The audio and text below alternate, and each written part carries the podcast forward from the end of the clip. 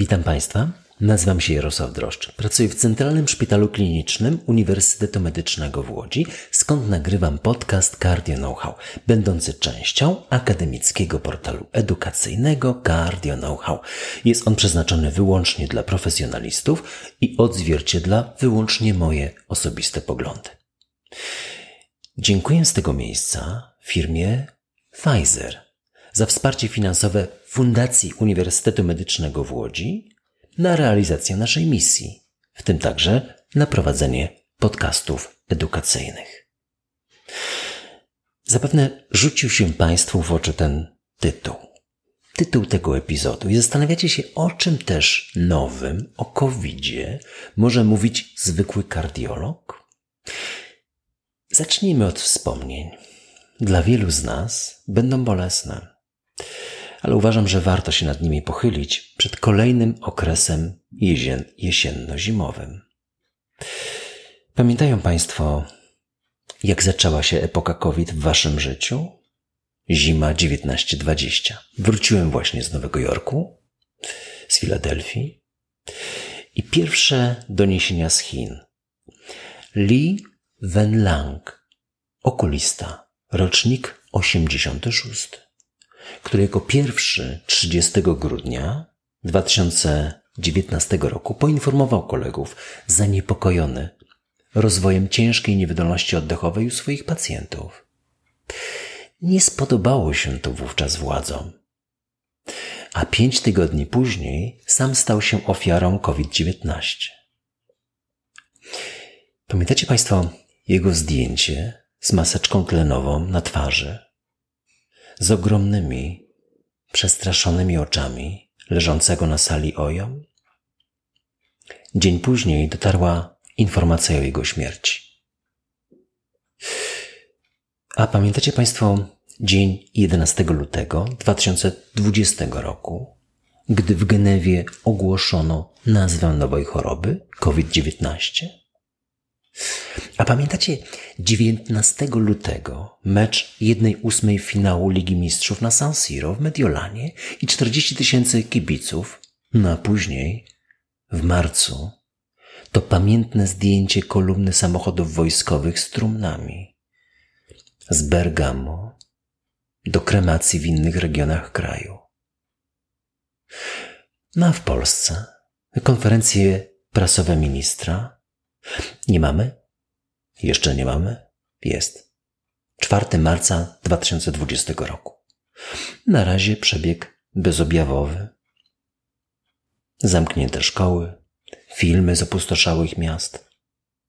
Tylko nas, pracowników opieki zdrowotnej, lekarzy, pielęgniarki, salowe i pracowników służb, administracji nie objął obowiązkowy lockdown. Mnie utrzymano w domu siłą, przez 4 godziny, ledwo po kontakcie z chorą osobą. Wszystkie moje testy wyszły negatywnie i wróciłem do pracy tego samego dnia. Pracowałem w poradni. Online to moje, no, grubo poniżej 1% y, wizyt w owym czasie, bo potem oczywiście z online y, zrezygnowałem w wizytach. A utrata naszych kolegów, koleżanek, którzy zmarli w przebiegu ciężkich infekcji.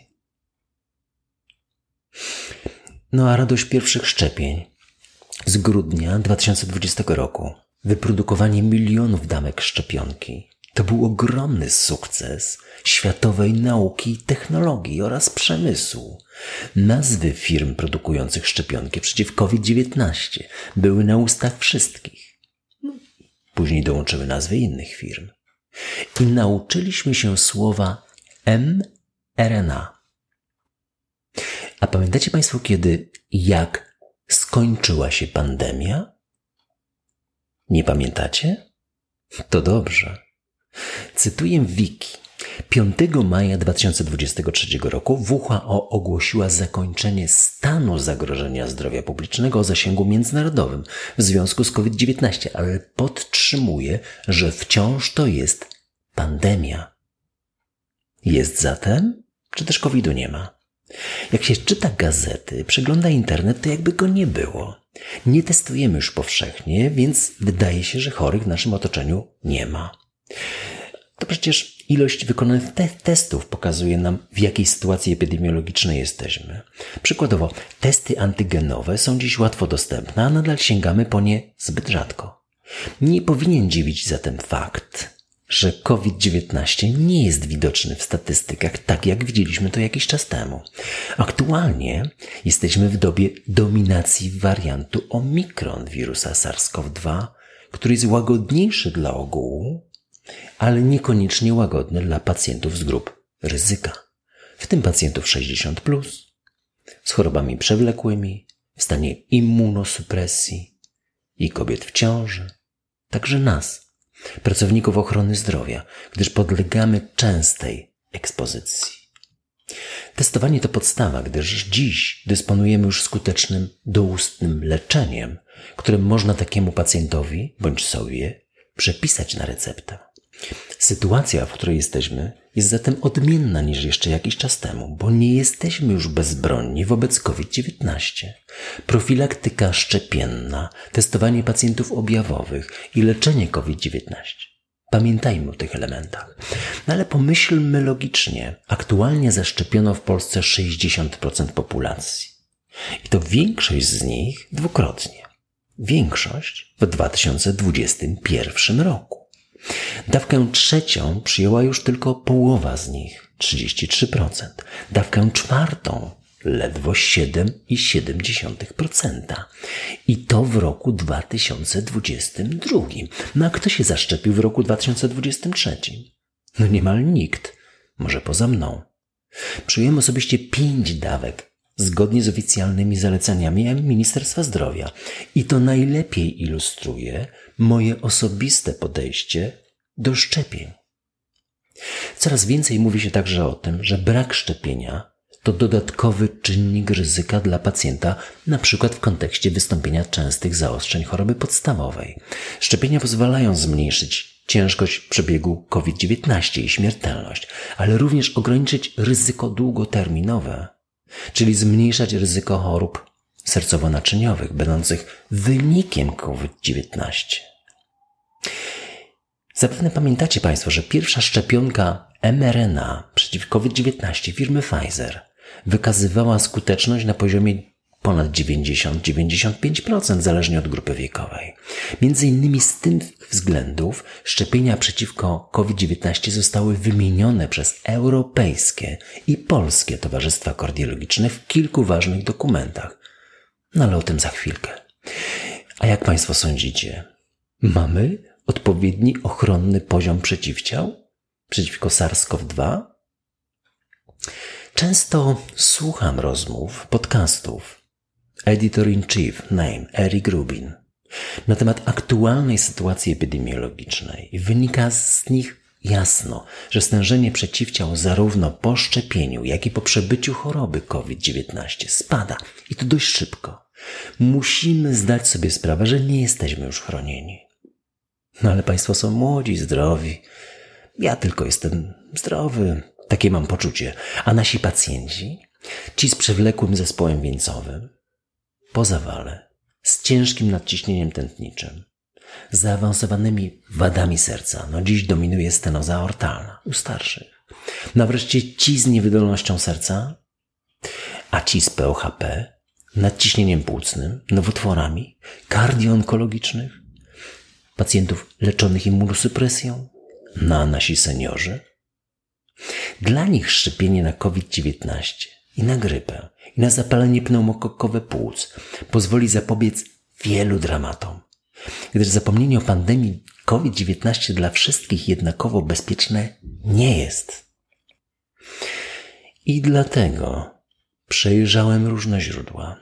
Wróciłem do dawnych artykułów, do części moich podcastów. Spojrzałem na strony towarzystw naukowych i przygotowałem dla Państwa listę dziesięciu najważniejszych spostrzeżeń i wniosków wynikających z mojej aktualnej kwerendy. Do każdej umieściłem link do oryginalnej źródłowej informacji, a całość znajduje się w transkrypcie, a transkrypt znajduje się na Cardio Know-how. Pierwszy punkt. Szczepienia przeciwko COVID-19 są najskuteczniejszym sposobem zapobiegania tej chorobie. Celem wprowadzenia holistycznego podejścia do opieki nad pacjentem warto wdrożyć zalecenie szczepień w codziennej edukacji pacjenta, obok zmian dietetycznych, wysiłku fizycznego czy prawidłowego przyjmowania leków, terapii choroby podstawowej. Dołożenie elementu profilaktyki szczepiennej on the top wszystkiego, co robimy w swojej codziennej pracy, to kolejny krok w stronę jeszcze lepszej opieki nad pacjentem. No i pamiętajmy, że pacjent przewlekle chory to pacjent z podwyższonej grupy ryzyka. Dlatego tym bardziej powinien być objęty priorytetem szczepień. Odwrotne stwierdzenie stanowi powszechne i fałszywe przeciwwskazanie. Fałszywe. Istot, istnieją tylko nieliczne przeciwwskazania do szczepień, które obejmują m.in. wystąpienie wcześniejszej anafilaksji. Anafilaksji na szczepionkę lub jej składnik. Występuje to niezwykle rzadko. Czy umiarkowana bądź ciężka, ostra choroba, przebiegająca z gorączką lub zaostrzenie choroby przewlekłej. To przeciwwskazania czasowe, do momentu stabilizacji pacjenta. Druga kwestia. Kwestia bezpieczeństwa szczepień przeciwko COVID-19. Ona została już określona w komunikacji Europejskiego Towarzystwa Kardiologicznego, gdzie czytamy, że istniejące choroby układu krążenia nie powinny wstrzymywać szczepień u tych pacjentów. Biorąc pod uwagę liczne konsekwencje COVID-19, w tym wyższe ryzyko ciężkiego przebiegu, tym bardziej stanowią one wskazanie do szczepień. Blink. Bezpieczeństwo aktualnie stosowanych szczepionek przeciwko COVID-19 zostało potwierdzone w dużych, randomizowanych badaniach klinicznych, na co wskazują wytyczne Europejskiego i Polskiego Towarzystwa Kardiologicznego i tu mamy też link. Trzeci punkt, króciutki. Globalna redukcja śmiertelności dzięki szczepieniom przeciwko COVID-19 w samym roku 2021 wyniosła 63%, co przełożyło się na około 19,8 miliona zgonów, których udało się uniknąć. Punkt czwarty. W pierwszym roku pandemii poziom umieralności z powodu chorób układu krążenia w skali całego kraju zwiększył się w stosunku do oczekiwanego o 8,8%, a w kolejnym o kolejne 12,6%. Dane te wskazują, że istotne jest podłoże sercowo-naczyniowe w kontekście COVID-19, dlatego pamiętajmy o szczepieniach profilaktycznych i możliwości wdrożenia do ustnej terapii przeciw COVID-19. Punkt piąty. Korzyści ze szczepień zdecydowanie przewyższają potencjalne ryzyko. I z przypadki zapalenia mięśnia sercowego po szczepieniu notowano głównie u młodych mężczyzn po drugiej dawce pierwotnej szczepionki. Przy czym u zdecydowanej większości były to przypadki samoograniczające się. Z kolei choroba COVID-19 stanowi czynnik rozwoju zapalenia mięśnia sercowego w większym stopniu niż tam występuje to po szczepieniach. COVID jest gorszy niż szczepienie w tym konkretnym małym przypadku zapalenia mięśnia sercowego. Szósty punkt. Na dzień dzisiejszy nie ma potwierdzenia związku przyczynowo-skutkowego między szczepieniem przeciwko COVID-19 a udarem niedokrwiennym. I tu dwie pozycje piśmiennictwa na Cardio Know-how. Punkt siódmy. Szczepienie przeciwko COVID-19 jest przedmiotem zaleceń Europejskiego Towarzystwa Kardiologicznego i Polskiego Towarzystwa Kardiologicznego. No przykładowo, w niewydolności serca to klasa 2A, poziom B. Link.